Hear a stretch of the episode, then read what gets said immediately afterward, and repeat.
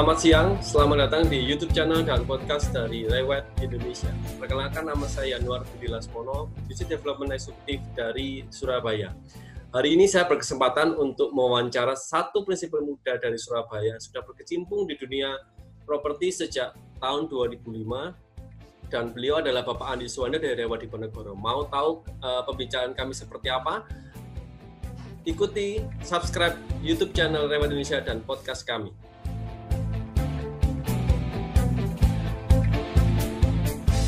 Oke, selamat siang Pak Andi Suwanda. Apa kabar Pak? Baik, Pak Januar. Sehat-sehat Selamat siang. Oke, Sehat. Terima, ya. terima kasih Pak Andi Suwanda sudah meluangkan waktu untuk uh, bersedia uh, berbicara dengan kami di podcast dari Rewet Indonesia hari ini. Oke, selamat Ya. pagi semua. Ya, eh, Pak, ini kalau saya boleh bercerita dulu nih, bagaimana saya mengenal Pak Andi. Dulu kalau waktu saya pertama kali jadi agent properti, eh, saya mendengar Rewat itu tahunya cuma di Penogoro, Pak. Kenapa? Karena luar biasa. ini ini ini karena memang eh, saya tahunya eh, waktu itu banyak sekali project primary yang memang Pak Andi sebagai lead agentnya dan saya selalu mendengar Rewat itu ya Rewat di Ponegoro. Nah, ini kesempatan Oke. baik saya bisa bisa berbicara dengan Bapak. Saya ingin tahu nih Pak, eh, apa namanya? Pertama kali Bapak bisa masuk ke dunia properti ini apa yang membuat Bapak memutuskan masuk ke dunia properti, Pak? Nah, ini ceritanya sedikit agak panjang, Pak Januar. Jadi, saya itu lulus kuliah itu 2002. Nah, terus kemudian eh, saya itu waktu eh, kuliah dulu, waktu SMA, saya itu bercita-cita itu pengen kerja di apa itu di tempat yang gedung-gedung pencakar langit. Terus Ya. saya kalau kerja pakai jas, pakai dasi. Nah, akhirnya waktu lulus kuliah 2002 saya pergi ke Singapura, Pak. Ya. 2002 itu dapat kerja tempatnya saya kalau kerja itu mesti pakai jas, pakai dasi di tempat gedung-gedung pencakar langit, Pak. Nah, terus kemudian saya di sana itu kalau kerja itu selalu naik turun bus, naik turun MRT karena di sana itu mobil itu mahal mahal sekali, Pak Januar. Jadi Oh, sebagai iya, iya, iya. eh, perbandingan itu kalau di sini Honda Freed baru itu kurang lebih kan harganya 200 juta sekian. Ya. Nah, di sana itu Honda Freed itu kurang lebih sekitar 900 juta, Pak. Oh, Jadi Oke. mahal sekali. Jadi saya pikir saya pertama kali kerja ya sudah saya naik turun bus, naik turun MRT. Nah, suatu kali saya ketemu itu dengan direktur saya yang sudah umur 50 tahun, 50 sekian tahun. Nah, dia itu juga sama seperti saya, naik turun bus, naik turun MRT. Nah, terus kemudian saya berpikir, waduh, saya ini apakah berada di tempat yang tepat? Nanti saya kalau umur 50 di sini, saya juga sama naik turun bus, naik turun MRT. Waduh, saya pikir, mulai berpikir. Ya. Nah, terus singkat cerita, saya ada temen di Singapura yang kebetulan waktu itu ngajak saya untuk nemeni dia ini eh, eh, viewing properti, Pak, apartemen waktu itu. Ya. Nah, saya akhirnya menyanggupi. Waktu itu kalau nggak salah hari hari weekend ya, Sabtu Ya. Minggu. Terus kemudian agent tersebut itu nawari saya untuk eh, nawari kita untuk dijemput, Pak. Nah, Oke. ternyata waktu dijemput dia itu ternyata umurnya masih muda.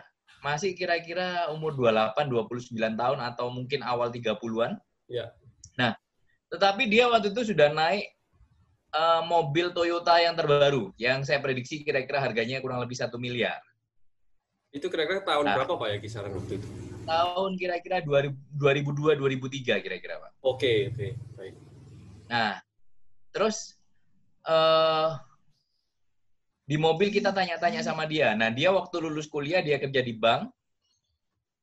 Terus eh, kurang lebih sekitar 3 sampai 4 tahun dia kerja di bank, akhirnya dia banting setir ke eh, bisnis agent property. Nah, dia dari bisnis itu, dari agent property, dia bisa beli properti sendiri di Singapura. Properti di Singapura Wow. itu kalau eh, rumah pemerintah aja paling murah 3 miliar, Pak. Ya oh kan? iya, iya. Nah, dia bisa beli properti sendiri di usia muda dan juga bisa beli properti investasi, Pak, sekalian. Jadi dia oh. punya dua oh. properti di Singapura dengan umur yang masih muda dan punya mobil juga. Nah, ya ya ya. Akhirnya saya mulai berpikir apakah saya ini tepat untuk berada di Singapura. Nah, akhirnya eh, kebetulan waktu itu eh, orang tua saya minta saya pulang dan akhirnya saya pikir ya udahlah, saya pulang aja ke Indonesia karena hampir dua tahun kerja di sana kok ya begitu-begitu aja. Nah akhirnya waktu di balik ke Indonesia saya sempat bantu orang tua saya bentar, terus kemudian tahun 2004 saya itu kira-kira bulan bulan Mei atau April saya itu join dengan kan salah satu kantor rewet yang deket di pusat kota waktu itu di Jalan Raya Bubutan, Pak. Nah, saya gabung di sana.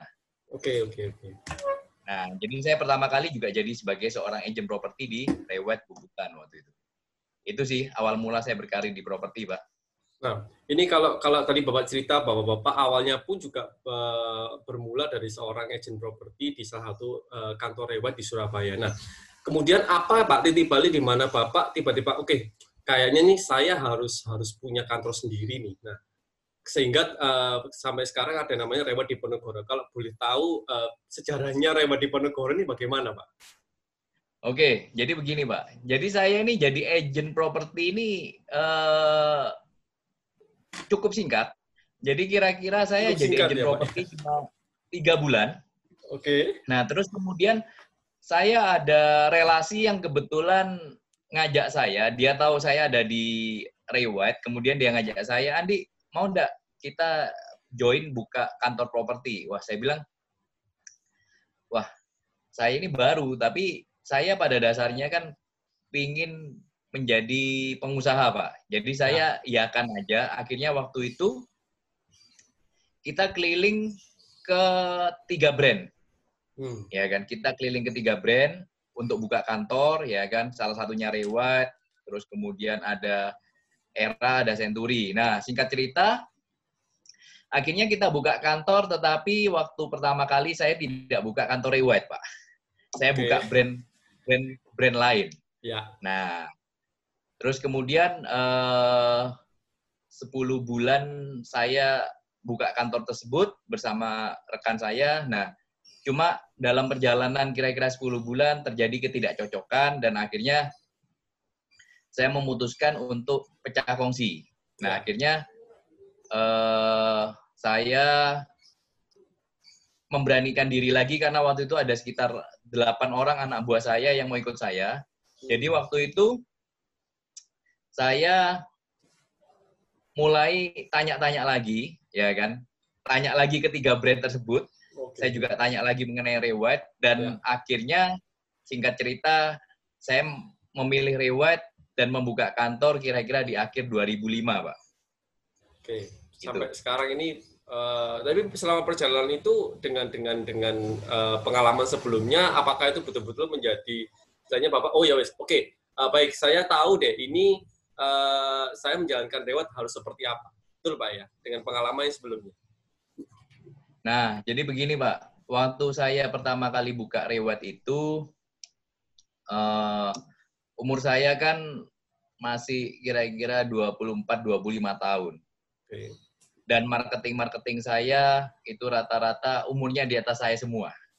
Yeah. Nah, jadi saya ceritanya guru saya adalah pengalaman saya. Jadi saya waktu itu nggak terlalu ada mentor, saya belajar kanan kiri gimana caranya ngerunning sebuah office dan itu memang uh, tidak mudah ya. Saya ya. betul-betul yeah. belajar banyak, belajar bagaimana menjalankan sebuah bisnis agent properti ini karena memang hmm. nggak mudah, Pak. Apalagi waktu itu umur saya muda dan marketing saya rata-rata sudah umurnya sudah di atas saya. Itu bukan hal yang mudah. ya. Nah, itu sih. Ya, ya, ya.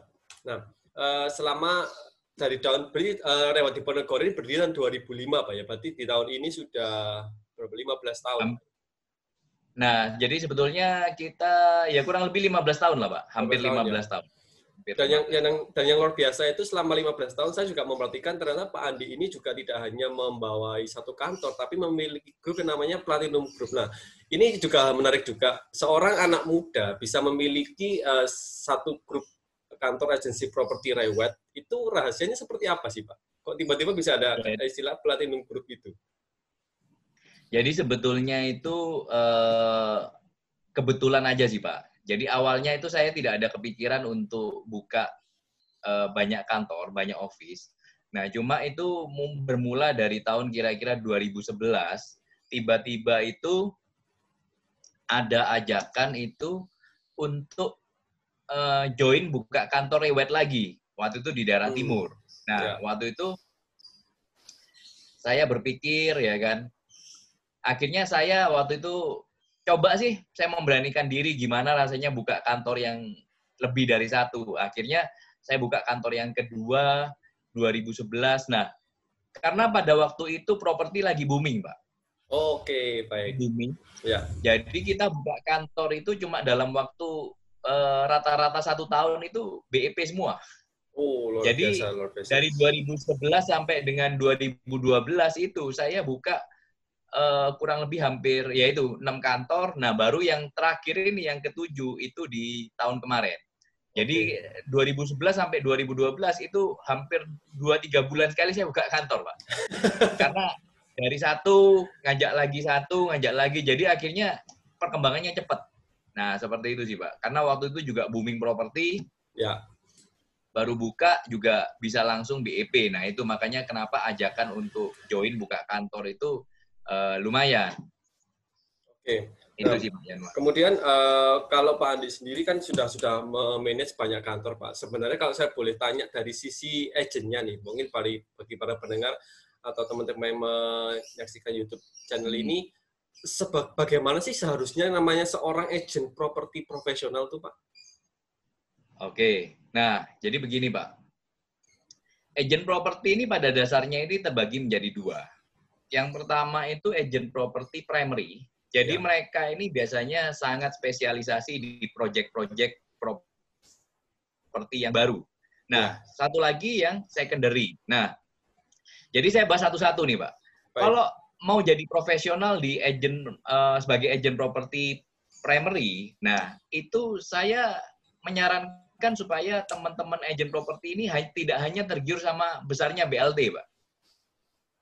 Nah, sering kali ada proyek yang sebetulnya kurang bagus, tetapi karena dia itu untuk menutupi kekurangan dia, dia ngasihkan BLT yang luar biasa. Nah, jadi agent banyak agent itu yang menawarkan produk itu bukan karena berdasarkan penilaian yang matang atau penilaian sebagai agent properti profesional, tetapi lebih didasarkan kepada karena BLT-nya besar.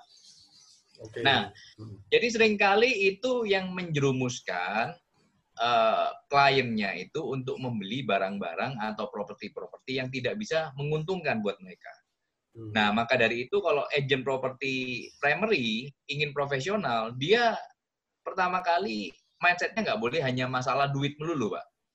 Jadi dia harus berpikir produk ini harus menguntungkan klien saya, ya kan? Karena ya. konsepnya kan nggak semuanya kan end user, Pak. Konsepnya kan kadang ada orang yang memang uh, investasi yeah. ataupun end user tapi tujuannya juga investasi. Nah, mereka kalau bisa merasakan produk yang kita tawarkan bisa naik banyak, itu kan akhirnya mereka kan senang untuk beli terus sama kita, Pak. Dibandingkan kita kasih barang yang istilahnya barang itu sebetulnya nggak bagus, cuma karena BLT-nya tinggi, akhirnya marketing tersebut menawarkan properti itu. Nah, kesannya kayak terus hit untuk hit and run. Kesannya kayak hit and run, Pak ya? Ya, ya betul. Nah, kira-kira seperti itu. Ya. Nah, terus uh, untuk properti secondary, Pak. Ya. Nah, jadi banyak agent di, di terutama di Indonesia itu kan jumlahnya ribuan, Pak. Ya. Nah, jadi karena jumlahnya ribuan, akhirnya banyak dari mereka itu yang sebetulnya agent properti ini hanya sebagai sambilan aja. Jadi akhirnya mereka pada waktu uh, ngelisting atau datang kepada pemilik properti yang mau menjualkan propertinya, mereka kadang cenderung itu over promise, Pak. Nah, over promise terus kemudian uh, tidak bisa mendeliver promise itu tersebut. Nah, jadi akhirnya klien itu kan jadi kecewa karena dijanjikan ini itu ini itu tapi ternyata pada kenyataannya itu semua yang dijanjikan itu tidak terrealisasi. Nah, jadi sebetulnya di dalam secondary uh, agent itu harus bagaimana caranya listing yang kita dipercayakan sama kita itu harus bisa laku dalam waktu yang secepat mungkin.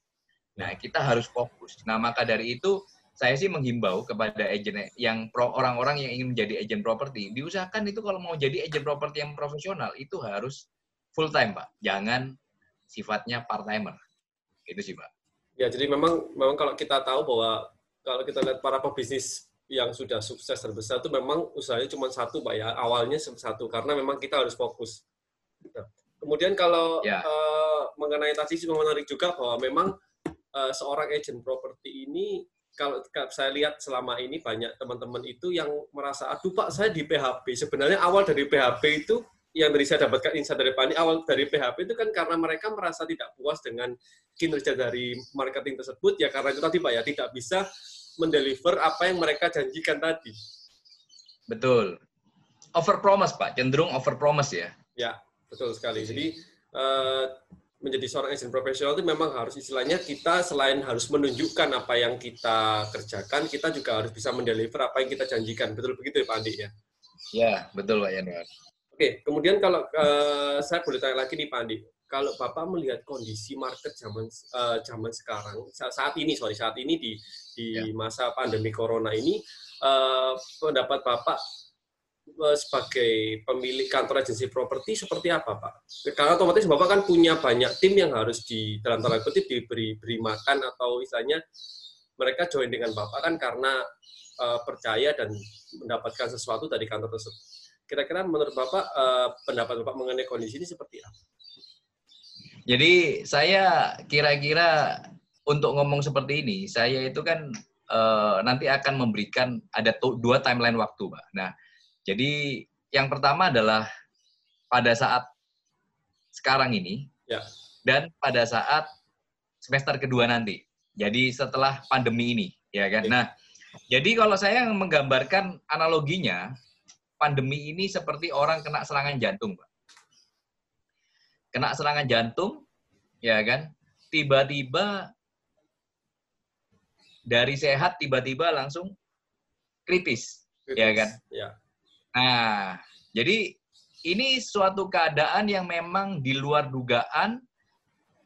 Januari ada muncul masalah, mulai Desember ada muncul masalah di Wuhan, terus kemudian Maret masuk ke Indonesia, ya kan di Jakarta, terus tiba-tiba secara cepat itu ke seluruh Indonesia. Nah, ini sangat memukul perekonomian, terutama di kuarter kedua, Pak Januar. Jadi ya. mulai bulan uh, kita mulai merasa efeknya itu di bulan Maret April kali Pak. Ya? Maret ya. Maret, ya. April ya, sudah mulai kerasa efeknya terutama di kuarter kedua, kuarter kedua mulai dari April Mei, ya kan. Ya. Ini memang kita kerasa sekali efeknya karena tiba-tiba itu orang eh, nggak uh, berani viewing properti. Ya. Terus kemudian banyak dari transaksi yang sebetulnya sudah deal, Pak, sudah deal harga tinggal ngasih uang tanda jadi terpaksa harus di cancel juga. Ya kan? Nah okay. jadi uh, kondisi quarter kedua menurut saya ini yang terburuk. Ya kan? Karena memukul, selain memukul perekonomian juga akhirnya ngimbas juga ke bisnis properti. Nah makanya waktu itu saya mengencourage marketing saya tim saya itu untuk tetap stay di properti memang sih quarter 2 ini April Mei memang masa yang tidak mudah. Tetapi saya ibaratkan kayak kita di Formula One, ini saatnya kita masuk ke pit stop, Pak. Okay. Jadi kita memperbaiki apa yang kurang dari kita. Nah, ini kita saatnya memperbaiki masa-masa sekarang. Jadi mengenai branding, mengenai uh, digital marketingnya. Nah, itu saya minta untuk mereka perbaiki semua. Karena ke depan ini, corona ini tidak akan berakhir singkat, Pak. Oh. Sebelum ditemukan obatnya, itu akan berlangsung cukup lama. Setahun, dua tahun. Nah, ini yang akhirnya membuat kita ini punya yang namanya new normal ya. Jadi segala sesuatu kayak kesehatan kita dikit-dikit cuci tangan. Nah ini sesuatu yang sesuatu yang baru, Pak. Yeah. Nah, jadi itu menurut saya yang terjadi di kuartal kedua ini. Saya bilang, saya kan selama ini selalu bertanya-tanya, bottomnya ini kapan sih, ya kan? Bottom yeah. bottom resesi ini, maksudnya properti sepi ini sampai kapan? Nah, saya merasakan, saya menyimpulkan bahwa kuartal kedua tahun ini itu merupakan bottomnya. Pak. Nah, timeline yang berikutnya adalah semester kedua ini bagaimana? Ya kan, kan kurang lebih seperti itu, Pak. Nah, semester kedua ini apakah kita akan mengalami yang namanya resesi atau recovery ekonomi? Ya kan? Ya. Nah, saya menganalisa mau tidak mau semester kedua ekonomi harus dijalankan lagi harus dijalankan ekonomi lagi, Pak ya. identik dengan properti, Pak. Jadi Baik. kalau ekonomi jalan, properti juga ikut jalan. Nah, karena kan uh, Presiden Jokowi sudah ngomong bahwa ada pelonggaran PSBB mulai bulan Juni Juli. Ya. Mereka sudah uh, pelonggaran PSBB secara bertahap. Nah, itu akan mulai uh, restart ekonomi kita lagi, Pak. Ya. Ya kan. Nah, jadi restart ekonomi akan terjadi di semester kedua, mulai bulan Juni setelah Lebaran. Nah, jadi cuma uh, masalah kesehatan adalah ya yang nggak mudah ya pak ya kita tetap yeah. harus uh, physical distancing yang yang benar pada saat ketemu klien kita pakai masker dan uh, jaga jarak itu tetap harus kita lakukan. Nah, tapi yang saya melihat bahwa government pemerintah Indonesia itu menggelontorkan uang yang cukup banyak pak, ya kan. Hmm. Jadi uh, saya terakhir itu baca dari koran kontan itu kurang lebih ada namanya program PEN atau pemulihan ekonomi nasional dengan total paket senilai 318 triliun, Pak. Nah, ya. itu ada di mana aja? Itu subsidi bunga untuk UMKM, ya. terus kemudian insentif pajak, subsidi BBN, terus kemudian stimulus untuk sektor pariwisata berupa diskon eh, penerbangan, diskon hotel ya. dan sebagainya. Terus ada yang namanya PMN, penanaman modal nasional yang ditujukan kepada BUMN BUMN negara seperti PLN, Pertamina dan sebagainya. Ya. Terus ada penempatan dana. Nah, ini yang penting juga. Penempatan dana pemerintah diperbankan dalam rangka restrukturisasi. Perbankan kita terus terang likuiditasnya ini agak kering, Mbak. Karena oh, dengan ya. adanya banyak orang yang meminta restrukturisasi ekonomi, uh, restrukturisasi uh, kredit mereka. Ya. Nah, maka dari itu pemerintah ini menggelontor likuidasi kepada bank-bank yang cukup besar dengan uh, keuangan yang kesehatan yang cukup baik, Pak. Ya. Supaya mereka ini bisa nggak nggak sampai ke kering likuiditas. Karena dengan kering likuiditas ini akhirnya membuat ekonomi ini jalannya tersendat. Hmm. Nah, terus kemudian uh, yang paling penting juga bagi ekonomi Indonesia ini adalah consumption, Pak. Konsumsi dalam negeri.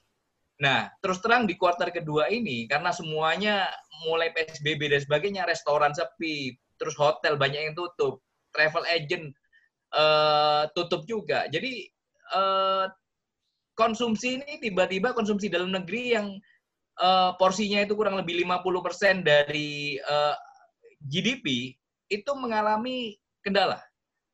Penurunan, Karena Pak, semua ya? orang mulai ngerem spending. Iya, nah, betul kita harapkan consumption di semester kedua ini bisa perlahan-lahan itu mulai mulai ini pak mulai, mulai berjalan lagi, lagi ya ya betul, nah betul. maka dari itu kita ini sebetulnya saya juga me-encourage kepada teman-teman yang mendengarkan ini untuk melakukan yang namanya spending. Jadi tolong jangan kalau memang Anda mau spending sesuatu, Anda mau beli properti, Anda mau beli mobil, jangan tunda lagi. Beli. Ya kan? Laksanakan spending Anda apabila keuangan Anda tidak jadi masalah. Karena dengan Anda spending, ini membantu Indonesia. Cara Anda membantu Indonesia adalah dengan Anda merealisasikan spending Anda, Pak. Nah, jadi kemarin itu uh, dari Retro Indonesia, Pak Erwin juga bilang sama saya bahwa kita kan tiap tahun ada yang namanya insentif tour, Pak, jalan-jalan ke luar negeri. Ya. Nah, Pak Erwin menyarankan, Pak, gimana kalau dari tim Bapak itu insentif tahun-tahun ini, keberangkatan dan tahun depan kalau bisa dalam negeri aja. Saya pikir betul juga dengan kita me mealokasikan itu ke lokal itu akan membantu pariwisata di Indonesia, Pak. Ya. Nah, itu sih. Jadi saya percaya semester kedua akan running lagi sih, Pak. Itu. Oke, oke. Waduh, luar biasa nih Pak Andi. Saya dapatkan informasi serta insight yang luar biasa banyak nih Pak dari Pak Andi sendiri. Pak, ya. ini uh, mungkin pertanyaan terakhir dari saya. Uh, atau mungkin bukan pertanyaan, statement dari Pak Andi mengenai eh, buat teman-teman yang mendengarkan uh, YouTube channel dan podcast ini uh, sebagai apa yang harus dilakukan di masa sekarang ini, Pak? Sebagai seorang agent tentunya, agent property lewat. Oke. Okay. Nah, jadi kalau menurut saya, Pak, seperti ulasan saya tadi, bahwa semester kedua itu akan terjadi yang namanya restart ekonomi atau yang kita sebut dengan recovery ekonomi. Nah, jadi bagi teman-teman agent yang sekarang ini masih tidak fokus di properti karena memang tidak bisa jualan, akhirnya jualan masker, jualan makanan, kembali fokus. Ya kan, siap-siap berlari di semester kedua. Karena semester kedua menurut saya properti akan meningkat kembali. Tetapi memang tidak secara signifikan, signifikan secara luar biasa, ya. Pak. Tetapi paling tidak lebih meningkat daripada yang quarter kedua ini. Jadi, nah cuma uh, sekali lagi teman-teman harus tahu bahwa eh, transaksi-transaksi uh, yang bagaimana yang kira-kira bakal terrealisasi di tahun ini adalah pertama transaksi sewa, Pak, itu ya. akan meningkat cukup banyak. Ya. Terus uh, listing-listing atau properti-properti yang harganya sudah terkoreksi cukup dalam atau yang terdiskon daripada harga pasar, nah itu yang akan laku. Dan juga orang-orang atau uh, user yang hot hot buyer yang harus merealisasikan penjualannya dalam waktu sekarang-sekarang ini, Pak. Nah, itu kira-kira strategi bagi teman agent uh, di masa sekarang dan enam bulan ke depan. Kalau orang mendengar kata Pak, Pak Andi Suwanda, satu kata yang bisa mewakili Bapak itu apa? Yang sesuai dengan Bapak? Uh, adaptable dan never give up, Pak. Oke, luar biasa. Jadi saya orang yang bisa beradaptasi dengan lingkungan dan saya menggambarkan orang yang kayak petinju itu kalau dipukul pasti bangun lagi. Baik, baik Pak Andi, terima kasih. Selamat siang Pak Andi. Ya, siang Pak Januar.